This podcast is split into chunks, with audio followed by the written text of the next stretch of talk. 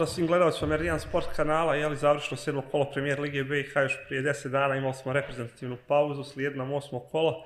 Marko i ja ćemo danas da pričamo Stefan još na godišnjem odmoru, makar sljedeće. I, I dalje djeluje kod da je mjesec dana. Pa oteglo se, boga mi, oteglo se kako je reprezentativna pauza, pa se ne igraju utakmice tako da je ono, mislim, igra se reprezentacija, koju ćemo da pričamo na početku, malo ćeš ti prvi, malo da prođemo, šta smo vidjeli? E, što se tiče reprezentacije? Pa, generalno dvije utakmice, Kazakstan, Francuska i sve što je bilo između toga. I tri utakmice, utakmica sa Kuwaitom, ali pa vidjeli, vidjeli smo svašta toga i, i pored tih utakmica što se tiče reprezentacije, vjerovatno se ovaj imidž gubi svim ovim što se dešava oko, samo igrači znaju i stručni štab šta se dešava tačno između kakva je stvarno atmosfera, pošto se stalno potencira na konferencijama, atmosfera je odlična, atmosfera je odlična.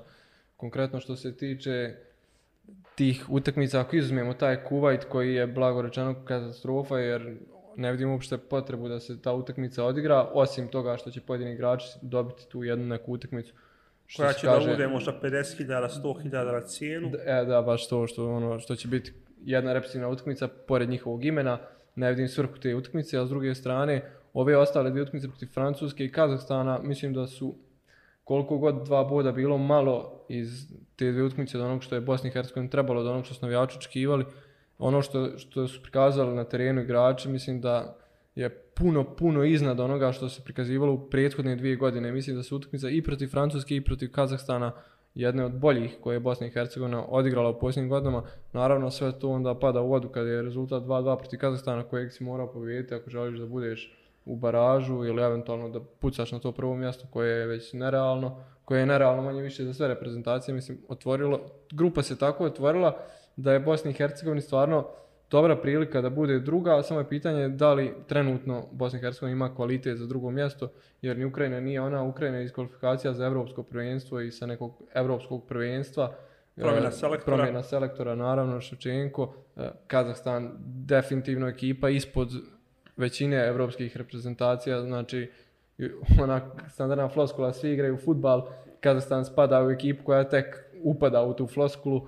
E, Tako da Finska isto možda čak i u ovom trenutku bolja reprezentacija od Ukrajine, ali definitivno ekipa protiv koje Bosna i Hercegovina može i mora da igra i da bude favorit kad god igra protiv nje. Tako da stvarno šteta je to su kvalifikacije ovako počele da Bosna i Hercegovina ima samo tri boda. Mislim da je, da je trebalo i više i ta prva utakmica u Finskoj protiv Francuske naravno teško, realno odmah očekivati nula bodova iz utakmice protiv Francuske, imaš jedan bod što je odlično i treba da dođe Kazahstan da kvalifikacije u stvari budu onako kako je treba biti, kako jeste, kako je realno.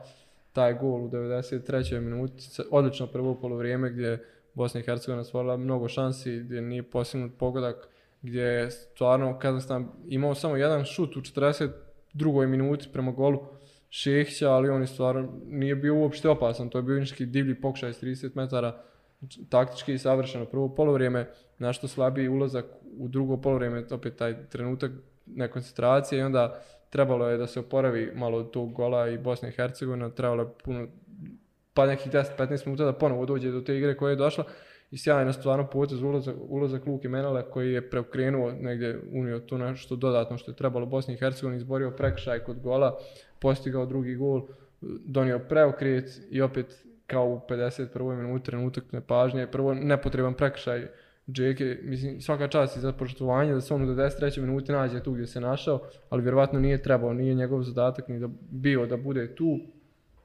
Nepotreban prekršaj, loše postavljen živi zid i dovelo je do toga da sad stvarno situacija ne izgleda dobro i na sve ovo što se dešavalo oko reprezentacije da izgleda još gore sa tim bodom protiv Kazahstana koji je trebao biti tri, koji je bilo zasluženo da bude tri. Dobro, ja mislim da je realno Bosna izgubila sve šanse za drugim mjestom u Imiksu. Nije izgubila na papiru, na papiru je tu par bodova, ali kad ne dobiješ Kazakstan kući gdje imaš upisano tri boda, će svi da očekuju tri boda, šta možeš da očekuješ? Prednost Bosne je što igrala dva puta sa Francuskom.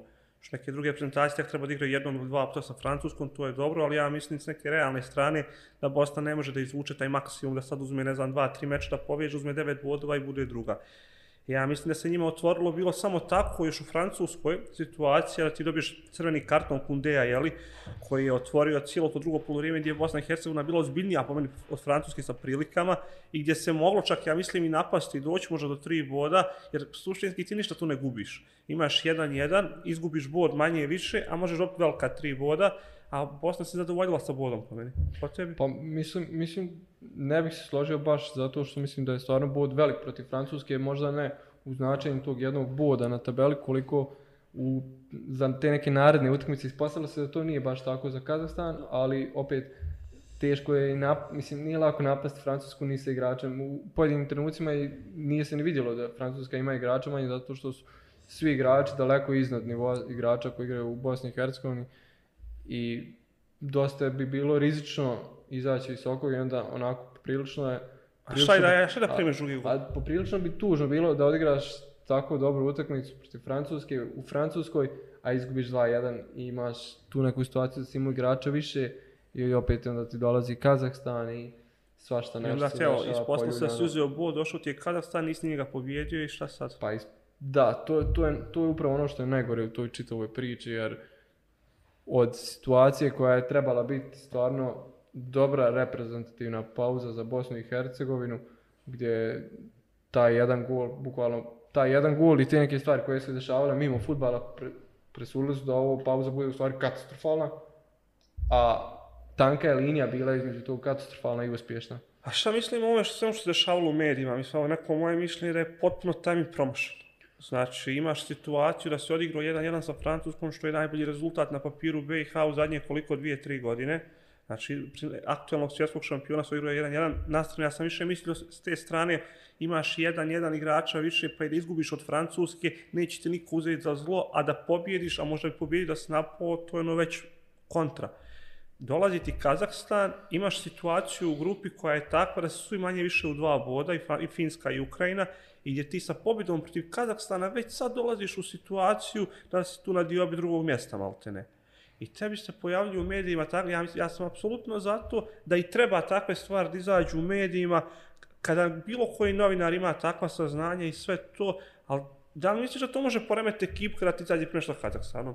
I onda se na kraju pomeni ono, ružno je reći, ali kad se sve to izdešava, nije ni čudno da se vrati u 94. minuti u kojoj već na ovaj način.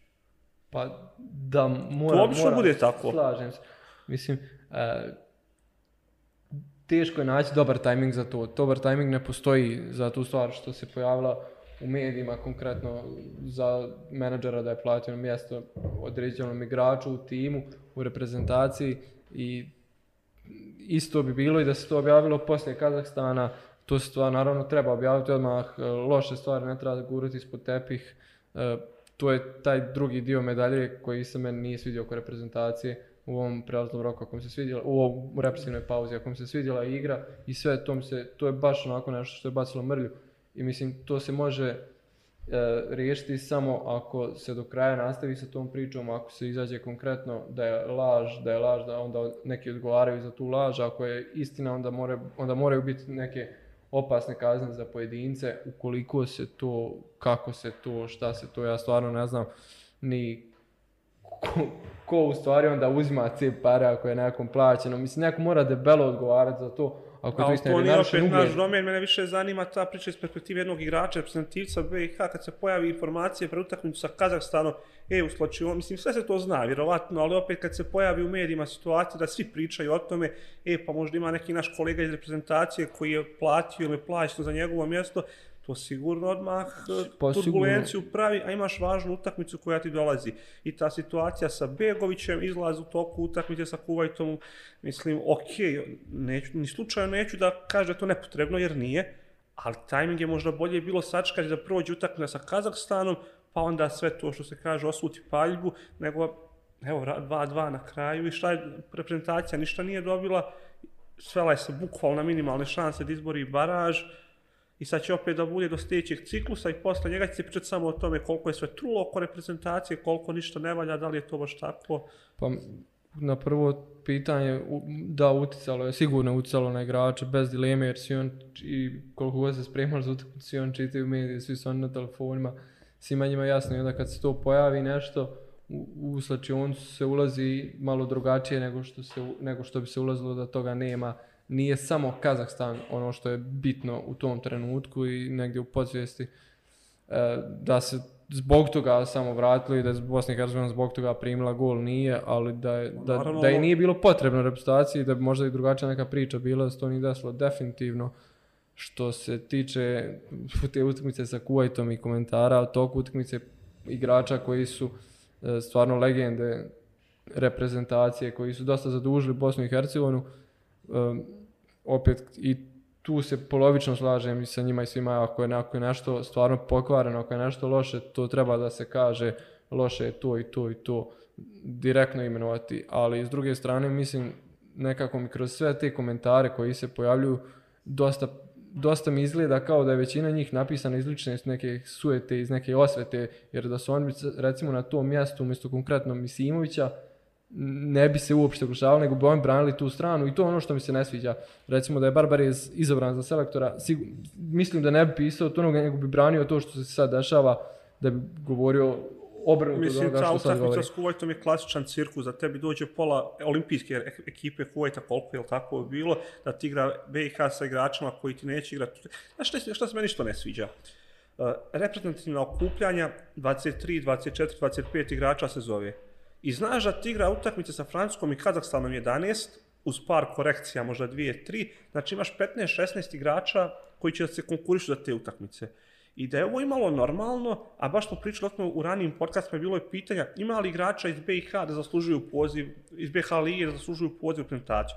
Pa čekaj, uvijek se može se naći 5, 6, 7 igrača. Pričali smo, jeli, i Nukić i Bilbija, može se i neki golman naći. Nije problem naći 6, 7 igrača, kao da je bitno da li će da bude u tih 23 neko iz BiH lige ili će da bude neko ko svakako neće ući. Pa ljudi, o čemu mi govorimo po na utakmici protiv Kuvajta, Nukić kad je ušao bio jedan od tri igrača koji je u stvari nešto igrao i nešto pokazao na utakmici. I onda da, imaš tu, još te prekidam, da imaš tu utakmicu sa Kuvajtom koja ničemu ne služi, pa daj onda tih 6-7 iz premijer lige BiH, malo da se oni profilišu, samim time i liga ćemo da se profiliše, možda će se prodaviti neki igrač, bolje se prodaju iz premijer lige nego negdje drugo. Apsolutno, apsolutno, ali pod uslovom ako već moraš praviti tu utakmicu s Kuvajtom Ako već koja je moraš, nepotrebna. je Ako ne moraš, onda zoveš 22 igrača redom od najboljeg do tog 22. koji bi ti možda mogao uskočiti za ove bitne utakmice, a ne nekog da zoveš čisto da bude tu, a znaš da neće igrati. Ali naravno, ako je ta utakmica protiv Kuvajta neophodna, ako ima neka represivna pauza u kojoj, u kojoj su samo prijateljske utakmice ili u kojoj, u kojoj su većinom prijateljske utakmice, onda je sasvim opravdano da zoveš igrače iz Premier Lige, da zoveš igrače koji bi u, kroz nekih par godina mogli imati drugačiju ulogu u A reprezentaciji. opet neće probati reprezentacije, jer pri Kazahstana dođeš u situaciju da moraš uvesti nekog Nukića ili Bilbiju, pa neće reprezentacija oslab ne znam koliko ako on uđe u igru, mislim. Pa, apsolutno, mislim, mi govorimo također o profesionalcima, o ljudima koji igraju, koji rade svoj posao za novac koji ga odlično rade. Samo je pokazatelj ta utakmica Kuvajta i partija Nukića pored nekih igrača koji su pozvani, a ne znam, igraju da ne lupam sad neke lige, region Mađarska, nemam pojma, lupam sad, ne mislim na nikog konkretno, zašto je to toliko kvalitetnije od Premier Lige Bosne i Hercegovine, mislim, ako mi ne cijenimo kako će neko drugi cijeniti. Ako donesemo znači u stranu, ali mislim da je vrijedno prokomentarisati naš podcast je premijer Liga BiH, ali mislim da situacija je takva da se ovo treba i iznijeti tako mišljenje kako mi stojimo, ja stvarno mislim, ok, treba reći, uvijek treba reći kad je nešto loše, samo možda nekad treba malo tajming naći bolji, jer sad će svi da pričaju i bez obzira i da nije što se kaže, a nije, ne može da utiče direktno je, mi pričamo u medije, kritikamo i zato je Kazahstan dao gol, pa vjerovatno nije, ali će se priča o tome. Koliko će biti komentara, e vidite, sad se to vratilo u 95. minuti, to je tako i to se ne može pobeći. Ne znam, kažem, nije mi toliko tajni tajming, ok, ako je stvarno onda objavi, ali toliko mi nekako sve djeluje da se sve radi iz neke lične sujete, iz nekih ličnih razloga, a ne iz opšte koristi i zbog toga mi to, do, do, ne da smeta, zbog toga mi to malo nije u redu. Ako je, ako je stvarno opšti interes u pitanju i ako je stvarno svima koji su oko i koji komentarišu sve oko reprezentacije, ako je Bosna i Hercegovina u prvom planu, ako je, ako je njima jedini cilj da Bosna i Hercegovina bude bolja, onda, onda ok sve, ali ako je nešto isključivo razlog osveta, onda je to i nemoralno i pogrešno i Što se tiče igre, sasvim ok igra i protiv Francuske i Kazahstanu što sa igračke strane, to je bilo to. Nije moglo puno bolje s igračke strane. i isto slažem se, mislim, odličan potez sa trojicom nazad e, protiv Francuske, ne znam kako drugačije da se pripremi utakmica, bolje ne protiv Kazahstana prvo polovreme idealno, odlična, odlična promjena men, Menala u drugom polovremenu. E, kažem, bilo je tih nekih trenutaka u drugom dijelu kad se malo pogubila igra, ali sve u svemu i mislim da je malo ucao izlazak Kolašinica koji je bio dosta visoko u prvom poluvremenu, ali kažem, što se Petova tiče ispremljenih utakmica, te dvije utakmice na visokom nivou. Ništa, to je onda to manje više oko reprezentacije, do sljedećeg jeli, prozora, možemo samo se narediti da ćemo imati narednom prozoru, ali bar kojeg igrača iz premijer lige BiH, jer sigurno se može naći mjesto do 4-5. Sad ono, mi pričamo, e, ko zaslužuje? Pa i da ne zaslužuje neko, može se uvijek naći 4-5, pa možda zasluži, možda stekne neko iskustvo, ne može bez toga. Ja bih samo dodao da rekao si da ne vidiš Bosnu i Hercegovinu kako može sad da napravi neki Ja, ne, teoretski ja vidim sigurno, Da, ali da, ja, moje lično mišljenje je da oni neće da budu drugi, mislim, Pa ja ne mislim da ih je pogledala malo ostale rezultate u grupi, s obzirom da Ukrajina druga sad bez pobjede, ali da pobjeda u Kazahstanu je apsolutno nužna i da ona može promijeniti sve, jer Finska dolazi u Bosnu i Hercegovinu, A šta ćeš s Ukrajinom? pa s Ukrajinom ćemo na nož kako Da. bude. A, a opet dolazi na, moraš da dobiješ Finsku, moraš da dobiješ Finsku kući i kada... Kući. I Finska kući i Kazahstan u gostima su ono podmoranje apsolutno. Da, znači, tu ali ne smije da budu četiri Nje- boda, mora da ali budu šest. govorimo o Njemačkoj i Italiji, to su Finska i Kazahstan. I ako uzmeš tih šest bodova, opet nije dovoljno, moraš protiv Ukrajine bar četiri da isčupaš iz dva meča. Pa, mislim, govorimo o Ukrajini koja nije Ukrajina sa evropskih kvalifikacija, kući koja se A može... Bosna, mora- a Bosna ali- Hercegovina jeste. ali, a, ali moraš to pobijediti ako hoćeš na svjetskom prvenstvu, ako ne pobjediš, mislim, šta, šta očekuješ? Mislim, okej, da opet da Neku su ligu konferencija za države da se napravi, ne znam. Liga nacija. Da, lige na... E, Mislim, ono, kažem ti, teoretski naravno, to su tri boda, sve se okrene, jedna pobjeda u gostima, pobjediš Ukrajinu i sve se okrenulo. Ali, kajem neko moje lično mišljenje, znači je da je drugo mjesto ovim kiksom protiv Kazahstana otišlo. Ali vidjet ćemo, eto, već za mjesec dana.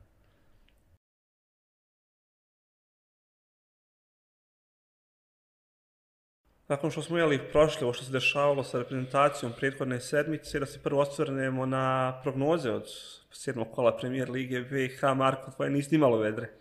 e, Ole je Premier Liga nazad, moje prognoze katastrofa, ž- užas, probaj sad nekom drugom metodom, što kaže Stefan, makar jednu da pogodim. Ja sam fatičko da nisam igrao prošlo kolo, nikakav ni plus ni minus fatičko, neki minimalan plus, tim da je borac primio gol nadoknadju što je moglo da bude velika kontra, da je ostalo kako je ostalo. Tebi i Stefanu Sloboda isto od vica pobjegla zamalo što bi bilo ovako. To bi malo spaslo ovako katastrofu. Da prokomentarišemo i ljude koji nam koment- daju komentare i svoje prognoze. Hamid i Husu, ako se ne su bili daleko najbolji sa po četiri pogotka. Bera isto imao četiri pogotka, ali su ova dvojica prvih po menu su imali da kažem, jače kvote pogođene, tako da svaka čast na prognozama. Hvala što komentarišete, komentarišite i dalje. Uvijek ćemo da pomenemo one koji najbolje gađaju u svakom kolu. Neke lude prognoze nam isto napišli, to je zanimljivo da vidimo. Možemo se polako jel, otvrtati na ono što nas čeka za vikend. Derbi već u petak, Vališ Sarajevo.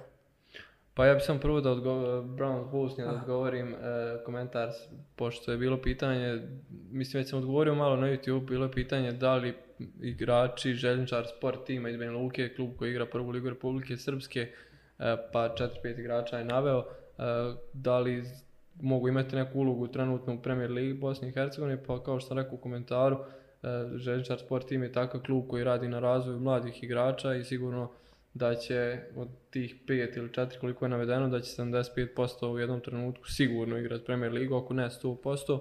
Uh, oni su svi ispod 20 godina, ispod 18 godina, 18-19 godina, tako da će oni i sljedeće i oni tamo sezone biti u tom nekom bonus pravilu. Uh, slučaj kao što je, mislim da, da trenutno u ovom sad trenutku ne mogu biti ni to bonus pravilo u Premier Ligi, odnosno mogu možda biti, ali da ne bi donosili ništa klubovima da bi bili na štetu tih klubova, da je možda najbolje sačekati kao što je Luka Malić u Željničar odradio još jednu polusezonu i sada on je bonus igrač, ali je igrač koji bi igrao i da nema bonus pravila u Željničaru, tako da je to slučaj i sa većinom igrača u Željničar sport timu, mislim da je najbitnije za njih da imaju utakmice u senjorskoj konkurenciji, e, jedan rang niže, korak, korak i da će doći do Premier Lige i da ćemo ih gledati sigurno na naj, najvišoj sceni.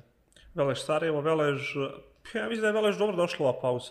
Bez obzira što su vezali dvije pobjede, ali toliko je bila naporna Evropa, da ja mislim da je njima dvije sedmice bez utakmica dobro došlo da Durić, Durić malo to posloži, regeneriše ekipu pred ono što dolazi i tamo proti Sarajeva ćemo da vidimo da li je to baš tako ili nije. Sarajevo Mostar dolazi bez fanima koji je zaražen virusom korona što je ovako ozbiljan udarac.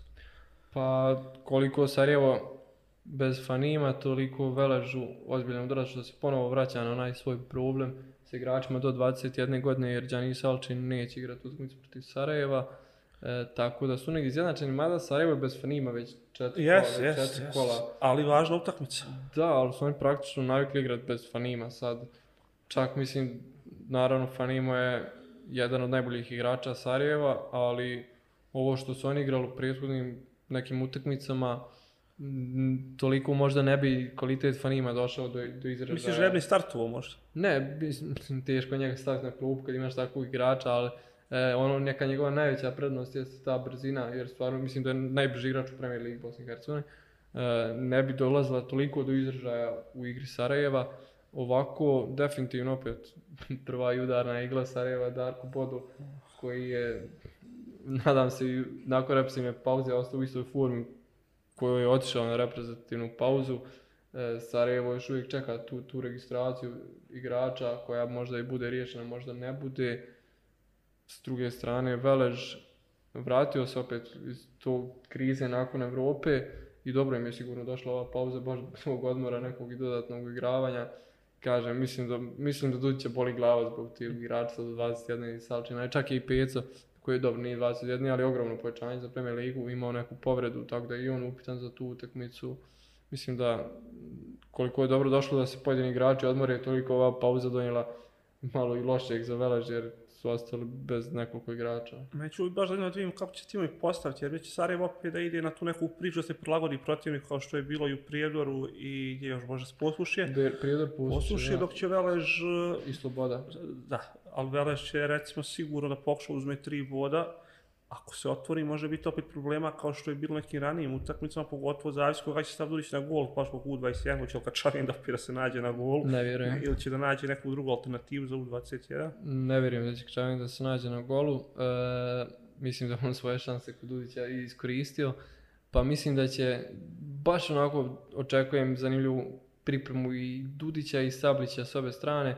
E, očigledno da je Sablić pokušava s igračima nešto drugo da uigra u odnosu na ono što se igralo na tim pomenutim utakmicama na gostovanjima i možda ova reprezentativna pauza dobro došla da uigraju to što u stvari hoće.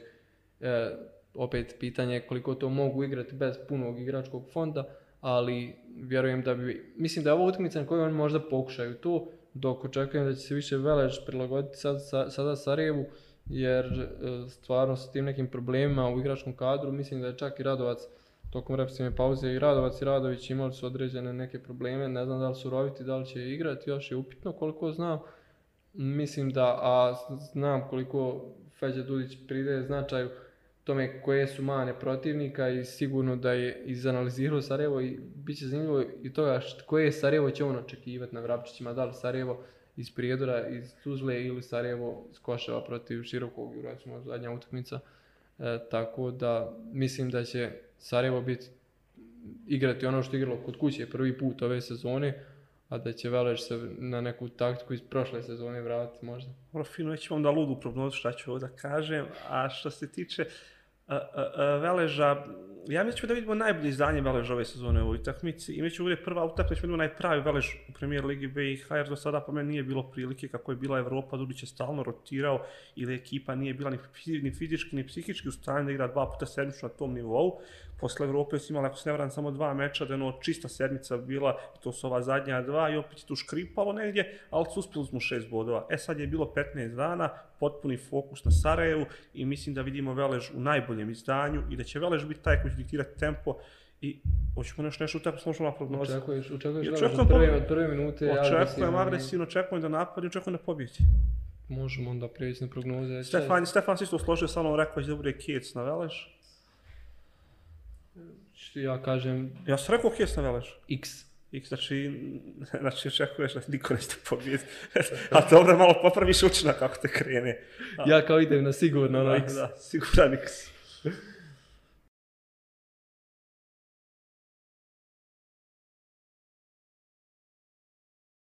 Jel munjevito prelazimo na subotu i na utakmice Premier Lige BiH, tri komada u subotu, jel triple header, kreće u Trebinju, Leotar Zrinski.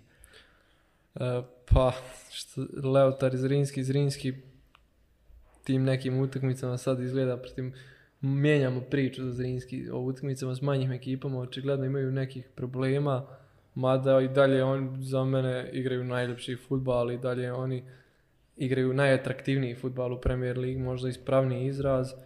Što se tiče Leotara i dalje ne igraju futbal. Uh, šta igraju? Pa ne znam šta igraju, nedokučivo je. E, protiv Veleža na momente dolaze do tih nekih situacija gdje mogu biti opasni, ali očigledno je da je fizička sprema većine igrača Leotaru ispod nivoa premijera. Za 65 minuta. Za 65 minuta, ali isto tako je očigledno je da je poprilično opasno kad je lopta u nogama Zijeca, kad, je, kad imaju te neke polu kontre prilike, kad im se otvori prostor, mislim da, da su dosta dobili u toj utakmici protiv Veleža u sredini terena kad je Dejan Bosančić ušao u igru i da, da uspio napraviti neku razliku, ali i dalje, i dalje je to daleko od toga da on mogu se protiv ekipa, ekipe kao što je Zrinski nadati nekim promjenama, ali vidjet ćemo šta je ova represivna pauza donijela za njih. Igralo su neke prijateljske utakmice protiv crnogorskih ekipa, na jednoj je čak bio i neki skandal, tako da... E, ne može bez toga, ne, prijateljski. Ne može bez toga, ni očigledno nije bila prijateljska, pripremna. Pripremna. Po bolji izraz, to sad svi onako koriste. E, Zrinski Pa ako, ako se može nazvat da su u krizi, onda je ovo utakmica u kojoj će on izaći iz krize. Zrinski mora ovo da dobije ako hoće se boriti za titul. Znači, kiksnost protiv poslušja, ovo ne smiješ da kiksneš još jednu niz. Mislim, smiješ, ali već dva, izgubioš četiri boda u dva kola, to je već udarac. Četiri boda koja se mora imati na svom kontu. E, definitivno da se Liga ne osvaja u utakmicama protiv Borca i protiv e, Sarajeva, ali upravo to, on mor, moraju da pobjede Lautar u Trebinju. Opet se vraćamo da ponavljamo priču da se opasni iz svih mogućih pozicija kako protivnik, kako god da se prilagodi Zrinskom, Zrinski ima rješenje da bude opasan. Koliko će sad biti, mislim, puka je sreća da Bilbija promaši penal, da Bilbija promaši tri šanse. Da li se to može ponoviti i dvije utakmice za redom, stvarno, stvarno ne znam, mislim, gdje ti vidiš na koji način ti vidiš da Leotar može Pa ja što da vidim, Leotar će da stane u duplu i bloku odbranu, niko neće centra prijeći osim u kontre, ganjaš 0-0, ako te Bog pogleda za neku kontru prekid za 1-0. Pa može, može li se Bog gleda 90 minuta, mislim? Pa može, svašta se može vidjeti u futbalu. Jel tu... Ja samo mislim da ne može Bog da ne gleda Zrinski dva puta u dva vezana kola, to je već malo problematičnije. Da, ali posluš je Pa koliko god da se odbrano daje, pa i ne može sreće, imaš sreće, sreće najviše na toj utakmici, tako da, da što se kaže, bud na sreću. A da Leotar treba imati, mislim, određen kvalitet za tu sreću. Ne Ako analiziramo s neke stručne strane, ovdje Leotar nema šta da traži, ali nije futbal uvijek 1 plus 1, 2 i slično, uvijek pa, može... To pokušavam sad negdje... E, šta, šta treba da se desi, pa da, da Leotar pokušavam u svojoj glavi zamislim šta treba da se desi da Lautar da dva gola Zrinskom. Neki rani crveni karton. Pa mislim da, da im nije ne pomogu. Mislim da i sa Zrinski s crvenim kartonom da bi bio dominantnija ekipa na terenu i da Lautar morao i u tom trenutku da se brani sa 11 igrača na svojoj polovini i da bi u tom trenutku bilo upitno da li se mogu odbraniti protiv kvaliteta koji Zrinski ima ofanzivno protiv kvaliteta koji Zrinski, on ne mogu, on ne mogu parirati Zrinskom na sredini terena, ali mislim da mo mogu stvarno kad bi uspjeli prenijeti nekako loptu na polovinu Zrinskog na 30 metara od gola, da bi možda u nekim situacijama mogli iskreirati na individualni kvalitet nešto Asin Zec, Ali, opet, ne vidim kako mogu doći do toga i kad dođu, opet, nije odbrana Zrinskog, prva liga odbrana Zrinskog je jedna od najboljih u Premier Ligi. Jedno što smo pričali nakon drugog kola, koliko je za Leotar bilo bitno na četiri boda na početku, to nisu pričali ni shvatili, ali jesu bilo bitno, onda nisi imao ta četiri boda, sad bi bili ono zakucani na dno. Ovako opet plutaš i čekaš sljedeću šansu kad ti dođu novi tvoji... Da, da skupljaš bodove, bod po bod, mislim, oni ne mogu šta drugo da očekuju, nego da skupljaju bodove po bod. utakmica po utakmicu njima svakako nije ni ne debakle da izgube nekom velikom razlikom od Rinskog zato što idu utakmicu i skupljaju bod po bod. Ok, idemo sljedeću utakmicu, skupimo jedan bod, dobro, puna kapa, što se kaže, ali teško da mogu, evo, mislim, ako Pitanje govorimo koliko, konkretno oni, koliko oni utakmici, mogu sad protiv Zrinskog doći u neku situaciju da iz neke igre bilo čega zaprijete gol teško. Pa, apsolutno nikako. Pa nešto zaluta sa 25 metara, ali ono, Pa neki centar, neka greška štopera, nešto ti prođe iza leđa u kontri, to je. to je bukvalno jedini način na koji vidim, a Zrinski s druge strane mora pobijediti utakmicu. Zrinski koji je odmoran poslije repstine pauze, ponovo je opet Jakirović imao prostora da, da se vrati na te utakmice, možda i da se analizira šta nije bilo dobro protiv Pusuši, kako je moglo drugačije, kako je moglo da se izbjegne ta loša sreća, da se to ne ponovi. Mislim, rekao sam da će Zrinski i pregaziti Pusuši, ubijeđen sam da će pregaziti Lautar. Tad sam pogriješio, a možda opet Slušamo pogriješim. prognoze. Stefan je ovdje rekao od vic, sad samo da kažem da ponovimo, nismo to puno puta ponavljali kako mi računamo naše prognoze, znači računamo kao virtualno je svaku plaću 100 maraka na single, pojedinačno svaku utakmicu i tako računamo. Eto, Stefan je rekao vica na Zrinski, Ja kažem iz 2 u 2. a pošto sam i ja u Finom Plusu, ja ću igram vice i GG, eto da se nadam da će Leotar da postigne gol na ovoj utakmici, pošto si ti ganjao Leotar dosta kola da daje gol, sad nećeš, e sad će Leotar da da gol, ali će Zrinski da da bar 2-3 Dočekao sam ja tu prognozu. Da, jest. I Ti veliš da si igrao, jel nisi? E, ja sam i protiv Veleža i utakmici i protiv i prije toga. No, prije toga par kola. Da. Nešto ovdje Dvica i GG, mislim ja da Lautar ne može da dobije, ali to se nadamo nekako da mogu dati gol kao što su ga dali mu staru Velšu.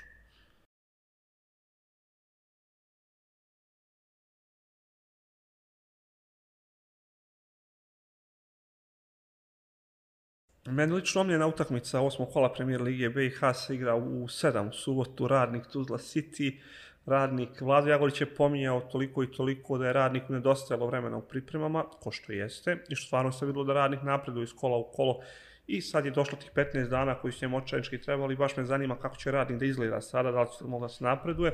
Sa druge strane, Tuzla City igla po najbolji futbal u dosadašnjem dijelu sezone. E, došla je pauza da vidimo kako će Tuzla City sada dodreaguje, da li će ovo njih da isječe malo ili neće, ili će dobiju ubijeljni ono i da nastave kako su išli do sada. Pa ja sam, ja ponavljam već ovdje iz podcasta u podcast, iz, iz kola u kola koliko, koliko se meni sviđa lično način na koji Tuzla City pristupa svakoj utakmici, način na koji Tuzla City igra svaku utakmicu. Radnik jeste ima problema s fizičkom spremom, kasno su počeli pripreme, je Vlado Jagović jeste isticao koliko dugo čekaju tu repstivnu pauzu i sigurno da je radnik na repstivnoj pauzi podigao igru za nivo više, ali mislim da je i Tuzla City, jer i Tuzla City nedostajalo fizičke spreme što se vidjelo u utakmici protiv Zrinskog, a oni su odradili te neke mini pripreme u etnom selu Stanišić gdje opet fokus bio isključivo na fizičkoj pripremi igrača. A, oni svaku utakmicu ulaze potpuno drugačije, oni tačno znaju gdje je protivnik najslabiji.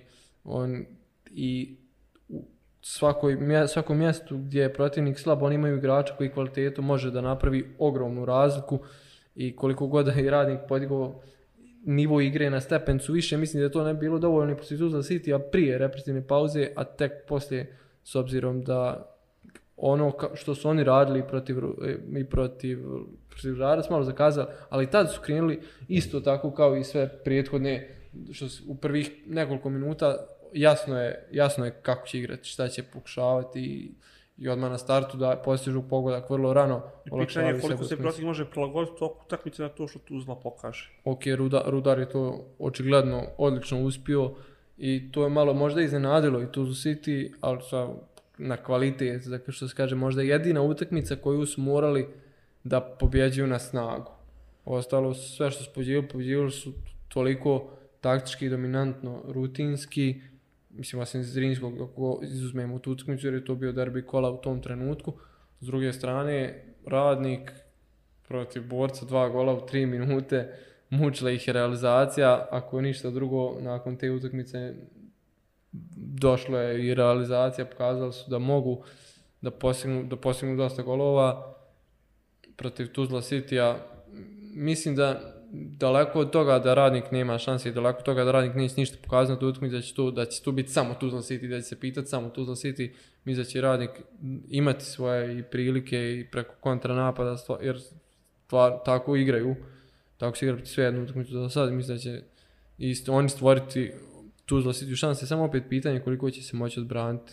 Radnik Jerna neki bez pobjede u dosadašnjem dijelu Premier Lige Bosne i Hercegovine i svi njihovi dosadašnji konkurenti su negdje nešto otkinuli. Leo Trih je dobio direktno u Bijeljni, bod u Banja Luci, posluše je dobilo borac koji neće svako da dobije, Uh, Rudar je otišao u Mostar, dobio je Veležok, radnik nije još nigdje uspio da iščupa da kažemo neka velika tri bod ili neki veliki bod na strani. E, ovo je sad možda prava prilika, ali ti ne misliš da će ići u tom pravcu? Ne, ja ne mislim da će ići u tom pravcu. Mislim, radnik je imao Radnik je mogao iščupati tu neku veliku pobjedu u širokom brijegu, e, mogao mogao iščupati veliki bod na Koševu.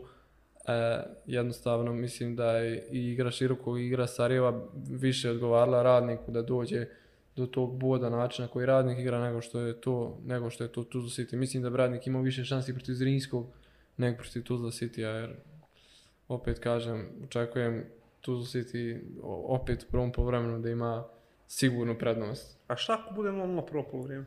Pa mislim da mislim da oni imaju da su spremni na to. Ne vjerujem da se da ulaze u utakmicu da moraju voditi 20 minut 2-0.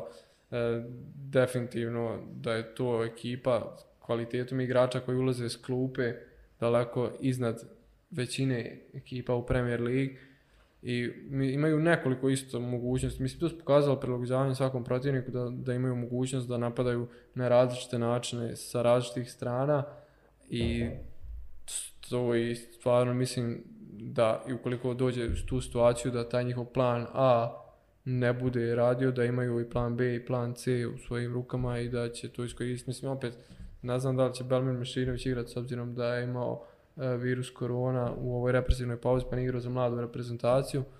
Ali, mislim, to bi bio izostanak za tu City s obzirom da je i bonus igrač, ali bez obzira i u sjajnoj formi je bio je prije pauze i Mišić i Krpić koji tek treba da uđe u tu neku golgetirsku formu. Nukić je naknadno pozvan u reprezentaciju i odigrao odličnu utakmicu protiv Kuwaita. Stvarno Dofo koji je u ovih zadnjih par kola jedan od najboljih igrača lige, ako ne i najbolji u zadnjih par kola, tako da mislim da teško išta drugo osim pobjede Tuzla City. Znači ti, pošto i Stefan rekao Rica na Tuzla City, ja ću idem u kontru.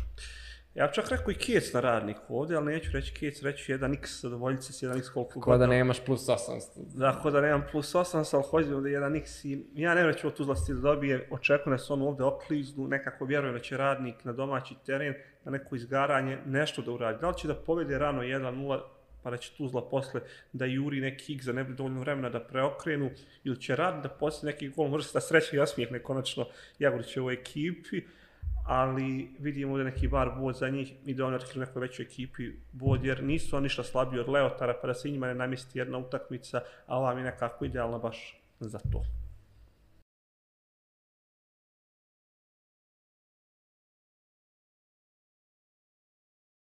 Veoma bitna utakmica zatvara program u subotu večer, da ne može bitnija da bude sloboda borac za slobodu je ovo, tako reći, test. Da li je to ozbiljna ekipa u tom smislu da se bori za Evropu cijelu sezonu, jer ti već dolazi jedan od direktnih konkurenata u toj borbi za Evropu. Ti ako pobjediš borac, to je već dvocifrna razlika, ja mislim, i slobode i borca, i to je već ono za premijer ligu BiH, nije lako ni stići. Tako da sa tri boda tu, Žižovićev tim dobija i neku mirnoću i pokazatelj sam on baš ozbiljne ekipa. Sa druge strane, borac nakon svega što se dešavalo, dobio je radnik, ali sada vidimo da li ta igra imalo napredovala, da li Miljanović iskoristio u pauzu to malo igra, bilo i prijateljskih utakmica, bio ovaj kup Republike Srpske u Tesliću, znači nešto su igrali i oni u Tuzli moraju na pobjedu, iako ono tradicije mi nikako ne leži na tušnju, ali takva je situacija. Ovo je, ovo je bomba utakmica, ovo je nagazna mina utakmica, ovo je utakmica... Ovo je prekretnica sezone. Ovo je prekretnica. I za slobodu i za borac. I za jednu i drugu ekipu. Ovo je utakmica u kojoj, mislim, u ovoj situaciji da ne postoji gore gostovanje borcu nego gostovanje slobodi na tušnju. Da bolje bilo za borac idu u Mostar, Zrinskom, da idu u Sarajevo na Košev, da idu protiv bilo koga da igraju, negde igraju protiv slobode u ovoj situaciji na tušnju. Jer mislim, i ovo što je Miljanović krenuo da radi sa Bozem, ovaj neki e, prilično na pozicione napade, nešto što borac nije na što Borac nije osvojio titulu. zahtjeva i dosta vremena sa ekipom, a zahtjeva i dobre uslove za igru, a on na tušnju nisu na tom nivou da borac može da se osloni toliko na to. E, da ne pričamo koliko će, koliko će stvar, mislim, ovo je utakmica koju će baš, baš detalj prelomiti. Ja Mislim da je ovo utakmica koja će, ko prvi dadne, da postigne gol, da će pobijediti, jer Sloboda je poprilično iskusna ekipa, Borac je poprilično iskusna ekipa, Sloboda opet nema Ne, neće toliki- biti lijepa utakmica za gledanje. I ja isto mislim da neće. Mislim, ja ne sjećam se kad je Sloboda Borac bila lijepa utakmica za gledanje u Tuzli. Uvijek onako bude, mislim, sad će možda biti, uvijek bude neko blato. Evo mi je sjećam. utakmica za tri lude prognoze. Ne za jednu, za tri. Baš tako, za tri lude prognoze. Uvijek bude neko blato kad igraju Sloboda i Borac, evo. I mislim, 9 sati uveče, ako još kakva kiša zapadne u subotu, to će da bude. Ne znam, nisam gledao prognozu kako je trenutno. Vjerujem da neće biti blato, ali opet vjerujem da neće biti ni teren u idealnom stanju. Sloboda koja je protiv Sarajeva mogla i morala više, koja je protiv Željničara mogla više, Ali opet pri željenčara umalo tri boda. to da mo, pa mogla više, da. I sad dolazi borac, opet ne, nemaju taj neki nož nad glavom za tu utakmicu, ali jeste što kažeš, prekretnica za Evropu, jer ako izgubiš od borca, Stižete borac. si- Ja, ja stižete. stižete borac makar u martu ili aprilu, ali stićete boraca. ako Stiže izgubiš te ovo. borac definitivno, izgubio si od Sarajeva, igrao si neriješeno sa Željničarom koji i nije toliko, Ali je bod Pre- na Hrbavici opet bod da, na da, koji nije toliki, sad da kažemo, pretendent da ono kao gori da li je Evropa ili nije. E, čekate Zrinski, čekate težak raspored, pa sloboda, publika koja očekuje dobru utakmicu i sigurno Publika biti- očekuje tri boda. publika koja očekuje tri boda, što, što je najgore, što je najgore, ali opet dolazi šampion, ne dolazi nekom, mislim, tu on treba malo spustiti loptu. E, Sloboda protiv Sarajeva igrala drugačiji futbal nego što je igrala u utakmici protiv Veleža, što je igrala neke druge utakmice i dobro je to izgledalo, što je najcrnije zato što se izgubili. Ali mislim da se Žižović vrlo brzo nakon toga da je shvatio da je futbal bitno samo pobjeda i samo tri boda Pogotovo u premijer Ligi BiH. i da će se vratiti i da će se ovdje vratiti ono, onome kako je igrao baš protiv Velaža. Čekaj slobodu istu kao protiv Velaža u Mostaru, s druge strane borac će se morati koliko god to izbjegavao dolaskom Miljanovića malo prilagoditi slobodi i dati ovaj malo više prostora nego što bi to oni htjeli. Eventualno na neke polu kontre morat će osigurati u stvari svoju posljednju liniju koja nije djelovala toliko dobro u prethodnim utakmicama, ali mislim da se i ona u represivnoj pauzi Marko Janić stvarno posljednjih par utakmica igrao sa nekim manjim povredama, sa svim tim, što dosta utiče na igrača, s obzirom na on, pogotovo na njega, jer on nikad u karijeri nije bio povrijeđen, osim što je imao nekih zdravstvenih problema. E, Vjerujem da je ova pauza najviše došla da se posljednja linija borca uigra, da se ukomponuje i mm, teška utakmica za Znaš šta je prognozu. ironično, znaš je ironično? Borac je prvo kolirao sa željom X na Grbavici i to se predstavlja u medijima, makar Banja Lučkim, kao neuspjeh, kao nisu osvojio tri boda protiv tog želje. A onda igraš dvije katastrofalne utakmice u gostima, Prijedor, Posluš, gdje ništa nisi uradio, ispred tog gostovanja na da je bilo najbolji igrački. Slažeš se? Pa, gostovanje u Prijedoru možda ih izosta, izostavio iz toga katastrofalno je bilo u Posušju, katastrofalno je bilo protiv Zrinjskog, u Prijedoru je bilo loše. Ne, Ali mislim isključivo gostovanje. da, I sad trebaš otići na tušaj gdje će ti biti najvruća atmosfera od svih dosadašnjih, a šta možeš toliko da promijeniš igrački i da sad ideš na tušanj kao šampion, a ne kao ekipa koja je trenutno koja na pridnu tabeli. pa i kao šampion kad odlaziš na Tušan ne možeš odlaziti sa nekim stavom i idem pobijediti slobodu, idem je pregaziti. Ali imaš samo pouzdanje koje borac ima u, polusez, u drugoj polusezoni da ide na svaku utakmicu za pobjeći. A Pa- sad teško će on s tim samopouzdanjem više će biti, e, nadamo se da bi mogli. Pa da, ali mm, mislim da taj neki e, ne pritis, i mali pritisak i očekivanja borca, to jest svjesnost koliko je važno ovo za, se- za nastavak polusezone sezone, da će zbog toga otići sa nekim, ako ne samopouzdanijem, onda sa stavom da idu po tri boda na tušen i da to može biti izuzetno korisno za njih, ali ne, ne onako arogantno da idem po tri, idem uzeti tri boda, nego idem po tri boda, idem osvojiti tri boda. I mislim da to može biti prednost za borac, da borac zbog toga mogao ući motivisaniji čak u slobode, što je onako prilično čudno u utakmicu. Stefan je rekao X, Što ti kažeš? ja ovdje ne znam ko će pobijediti. 0 Ne. do 2. A ne, neće biti gol, neće biti gola. 3 plus, ono ni u ludulu, to će da mi bude nekako 0-0, pa ako ga da prvi što si ti rekao će da zatvara, pa ako padne još jedan do kraja padne, ali 3 smo puno. Pa evo, ovdje, ne, ovdje nema sigurice, baš ja ću... Pa uopće 3 plus reći onda. e, ja, pa ajde može, 3 plus. Dobro, bude 3 plus. Znači ja sam 0 do 2, ti si 3 plus, Stefan je X.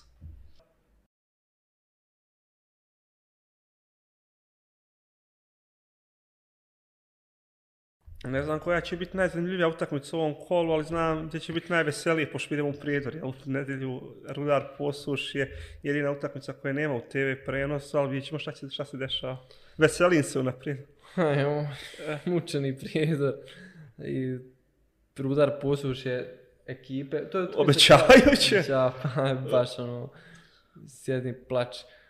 Kao, e, kao prvo kolo u Bijeljini radnik Leotar. Dok ti pocijenješ, ovo će, ovo će biti zanimljivo. Ne, ne, ne, da, ali toliko bitno i za jedne i za druge da dođe do tri boda. Jer realno to su direktni konkurenti u borbi za opstanak, jedna i druga ekipa. Ali ono što je zanimljivo, jedna i druga ekipa je pokazala negdje slično u dosadašnjem toku. Hoće da se odigravaju kad mogu. Kad mogu, da. Kad mogu, hoće. I poprilično, mislim, posuš je apsolutno i svaku utakmicu ide da da go. Bez obzira na protiv Zrinskog i to što se desilo. A protiv Zrinskog ja mislim da ne treba gledati uopšte tu utakmicu. On nismo mogli protiv Slažem Zrinskog i to se vidjelo, ne možeš, jednostavno to je nemoć. Ali gdje si god mogu prije toga, oni su pokušali da, makar u nekom dijelu meča, da se nametnu. I Rudar, Rudar je pokazao svaku utakmicu sportsku drskost i protiv Sarajeva i protiv Borca i protiv Tuzla City u gostima. On su mogli da dobiju tu utakmicu. Znači na Apsolutno. 2-2, Zicer prilika, znači malo 3-2 da bude za Rudar, dobio si Veleža, oni su htjeli svima da igraju. Pa evo, sad smo prvo, u prvi 30, Vidiš da je zanimljivo u prvi prijedoru. 30 sekundi utakmice smo krenuli kao ono, jao bože. Jest. A evo sad u stvari kontam da tu može biti utakmica da pršti na obje strane. Šta ti je premijer Liga BiH? Da, i bo definitivno šteta onda što nema te, možda i nije šteta te premije, možda i bude neka, neko mrtvilo teško. Čitajte na našem portalu tekstualni prijenos. Da, a, Rudar, ne smijemo da snimamo ništa. ne smijemo da snimamo, nećemo snimati, samo ćemo pisati šta se dešava. Rudar, posle Tuzla City-a, e, gdje, su, gdje može da padne neki moral zbog toga što imaš bod do posljednjih minuta iz odlične utakmice gdje se potrošio maksimalno, ali očigledno nije dobro došlo i njima što je poslije te utakmice ta bila pauza. Čak je i Milenković rekao da daje odmor igračima nakon utakmice. Rudar igra, dana, Rudar igra prije ovog kola danas Kup kad mi, u ovom Republike. trenutku kad mi snimamo Kup Republike Srpske u jednom malom finom selu kraj Novog grada, Plamen Donje Vodičevo. e, tako da, Kec, pa Plamen pet godina nije izgubio Donje Vodičevo, tako da je to podatak koji treba da se zna. E, da se malo okrenemo od Premier Lige. Ako nam pošalju dres, oblačimo dres, to je. Obavezno. A, ja znam šta ću ja dobiti kada dobijem vođu. e, Rudar posuši, opet posuši također dolazi u prijedor gdje su gdje mogu igrati ono što se igralo protiv većine, na većini tih utakmica i gdje se vraćaju igrači, igrač, igrači koji su imali suspenziju za Zrinski je kompletna jedna druga ekipa. Sad ne znam koliko je Moa, da li, mislim da je Moa se vraća prijedoru, sad da li će igrati odmah tu prvu utakmicu, Kulinović je definitivno 100% spreman. Utakmica u kojoj može da se desi svašta, može da bude mrtvo, mislim ništa nismo rekli, može da bude mrtvo, može da bude zanimljivo. Ali Rudar ima ofanziv čin da napadne, Rudar će da napadne, posluš ne stoji da gleda defanzivno, sigurno, tako da.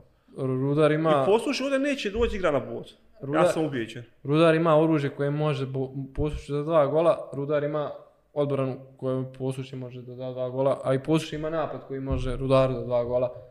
I A u posluše tom nije svemu- sačuvalo u Trebinju 2-0, znači ono svega može da bude. A u tom svemu bojim se potpuno pogrešne prognoze i neki glavometa na sredini terena, 30 minuta, 30 minuta lopta u autu i kraj. A ne možemo se tome nadati. Pa ne možemo se tome nadati, toga se bojim. 3-3. Toga se bojim. Hoću, hoću preći na prognozu. Ovaj Stefan je rekao Kijec, ja ću hrabro, GG 3+. Šta? GG 3+. Ja ću reći... Uf, joj, x2. A ja, a ja stvarno čekam dobru utakmicu, znači Rudar posluši jer ono, treba im tri boda jednima i drugima, napašće, veselimo se u prijedoru, bit će 0-0 na kraju.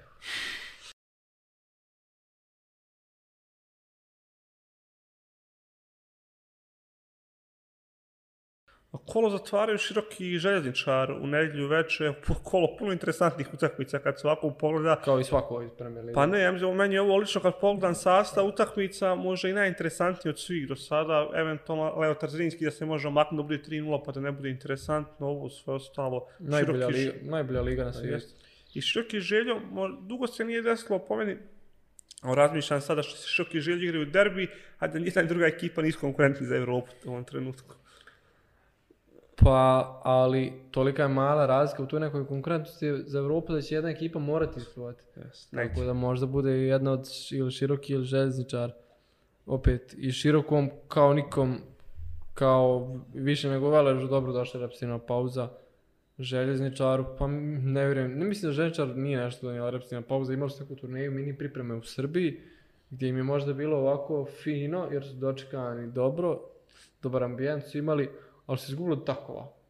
Izgubili su takova 3-0. Ali Željo igra, i posle toga išao, igrao sa Krag, Radničnim Stragovic 1-1, ja mislim, on pravi stalno te turneje između utakmica u ligi, igra, Ivković hoće igrati prijateljski u BiH, igrao, nema s kim nije igrao, ja. Sezone. Da, očigledno je fokus isključivo na toj nekoj pripremi kroz utakmice, što je, što je po meni super, ali e, ako iz tih utakmica i- izdvoji nekog ko može, jer očigledno da neko ne može konkurisati da igra u željničaru, ako izdvojiš od niželigaša Srbije 3-0, to nešto nije dobro. Mislim, sa postavom koja je bila kombinovana, ni, nisi igralo samo junior, igralo je dosta igrača koji i igraju u Premier League. Očigledno je, očigledno je da samo 11 ili 12 igrača željezničar ima koji može igrati na visokom nivou u Premier League i koji, ako se malo nešto izrotira, da se dosta tih u 11-12 igrača, da je dosta naviklo da igra sa ovim drugim, odnosno da, da ih drugi dosta pokrivaju i da je to ta negdje idealna kombinacija tih mladih igrača. Ako se nešto izrotira i od tih 5-6 koliko se kombinuje, da i oni ispadaju iz ritma i da to onda ne liči baš za neki ozbiljan klub kao što je željezničar. S druge strane, široki ostali su bez Jurilja. Široki se restartovao za 7-8 kola, oni su potpuni restart doživio. Očeo ti je Karačić kao trener, očeo ti je Juri se najbolja povrijedio, igrača. Stanić je otišao. Tri najbolja igrača. Došao je Ćavar, došlo je, do, mislim, on, Znači sve ono što si pripremao preko ljeta, otišlo u vodu. Samo, samo kod nas može. zbog jedne utakmice protiv Blažnije, one u Albaniji, jer gdje si imao prolaz upisan. Ali bukvalno zbog jedne utakmice. Sorry, Mislim, možeš zamisliti kakva bi sezona bilo širokog da nije bilo te utakmice u Albaniji. Da se igralo recimo kao prošle sezone jedna A, utakmica š- a široki... šta da si prošao, Ali Vlazio? evo, Ispobio Dajla u sljedećem kolu i da čao igrala ta zdravo. jedna utakmica da je široki pa razbio Vlažniju u, u, na pecari i da se, š- kako bi izgledala sezona širokog To je samo dokaz da se kod nas ne da se razmišlja kratkoročno, nego nešto još crnje od kratkoročno. Od danas do sutra i to je to. Kakva je bila sezona da je Željničar igrao Evropu? E, vrlo turbulentna. A eto, recimo, Željo, je ovo je opet neka preklica širokom Željo. Ovdje ako uzmeš tri boda, opet hvataš se bliže gore, ako ne uzmeš, a Željo nije pokazao da može u gostima. Mrtva sredina. Da, Željo nije pokazao da može u gostima, A ni široki nije nigdje pokazao da može negdje tri boda, uzeli samo, samo jednu utakmicu cijele sezone. ali radnik pokazao Želji da protiv širokog u gostima može vrlo lako, da to nije pecara kao što je bilo pecara prije pet godina.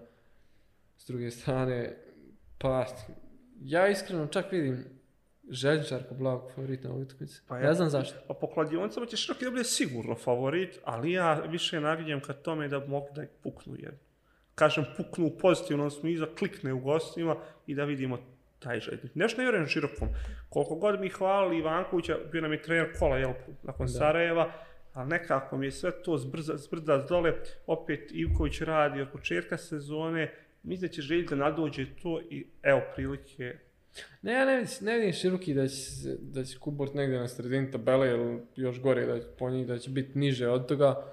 Ali prosto mislim da, da, im, da će on doći tek nakon zimske pauze na ono gdje trebaju biti, da će tek tad podići, da će tek tad Ivanković imati neku punu sliku igračkog kadra na koji može računati, jer što kažeš, e, zbrda zdola, možda ne u igri koliko s tim nekim igračima koji su došli, koji su otišli.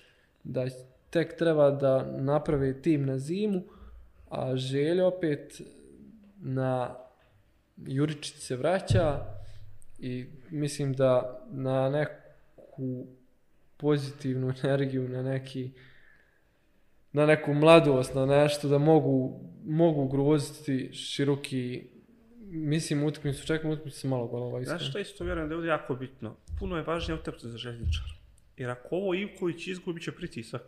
Ne možeš ti da vodi željezničar bez obzira što nema ambicije ove godine da se reda iz kola u kolo ne uspije, da pukneš onako u Mostaru protiv Zrinskog kako su oni pukli, da umalo izgubiš kući od slobode, da u gostima te faktički nema radnik te umalo dobije, mislim svaka čast sve to, ali moraš ti nešto i da uzmeš od bodova.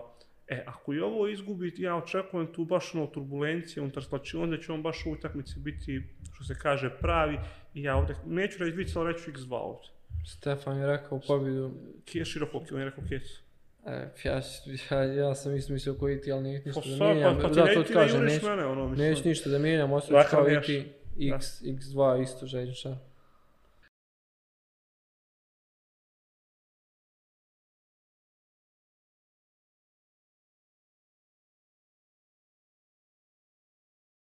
Ostale su nam još lude prognoze da zatvorimo u najavu osmog kola premijer Lige BiH. Velež Sarajevo, to sam smislio da smo pričali, Velež 65% posjeda lopte plus. Stefan je rekao da Radovac daje gol.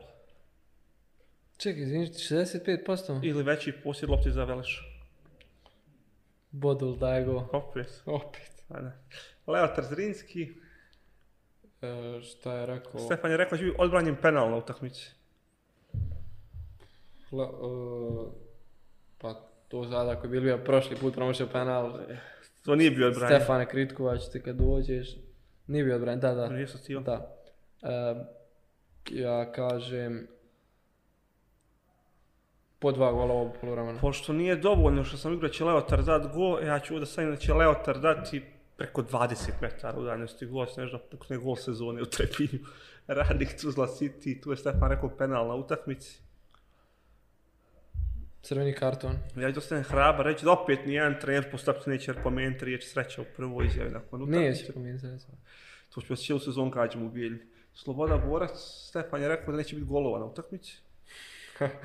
0-0 na tuš. E, Stojan Vranješ daje go. Uf, ja ovdje imam super par ludih prognoza. Mislim, nekako mi je bez da kažem penal, opet ganjao sam penal na borčne utakmicu, ali nikako da ga bude... Ajde bude i ovo penal na utakmici, ako ja mislim da bude ovdje crveni penal, može se u paketu, da će ovdje bude i tuča na utakmici, da će trener da bude isključen jedan, ovo mi je ona utakmica, Ne, fajte vjerujem, mislim ovo, ako Miljanović bude isključen, baš će se Puno mora može Žižović, jer je Žižović je bio prošli put Pa, isključen, pa, puno je. To, Ru- Rudar, još ako bude neka sumnjiva odluka, sve se tu uklapa. Rudar posluš je, Stefan Kulenović daje gol. Dvije prečke utakmici. Ja sam rekao u običnim prognozama GG 3+, plus, hoću već 5+. Plus. Idemo, idemo rapsodija, nije 3-3, ali bar 3-2. Široki željo, kod Stefana je Čavar gol. Da ne kažem e, široki željezničar, Stefan kaže Čavar gol, ja kažem e, široki manje od tri šuta na gol. Gol u sudijskoj na drugo polovremena na kraju, ne, opet se nešto lomi u finišu, na pecari. Ništa, to je to manje više za ovo kola. Pričali smo o reprezentaciji, pričali smo o svim tako na premijer Lige BiH. Stefan se vraća za analizu osmog kola. Hvala što nas gledate. Hvala što gledate, hvala što komentarišete, samo komentarišite, ono, hoćemo da imamo konverzaciju sa svima, pišite prognoze, kritikujte slobodno, ono, ne bježimo od kritike, tako da, ono, Predložite slobodno ako imate nekih ideja kako da unaprijedimo. jest, sve ono što se kaže, ovo i radimo zbog onih ljudi koji nas gledaju, stvarno presrećni smo kakva nam je gledanost i nadamo se da će ono Sve nastavimo znate. tako. Sve znate i gledamo se sljedeći sedmice. Pozdrav. Ćao.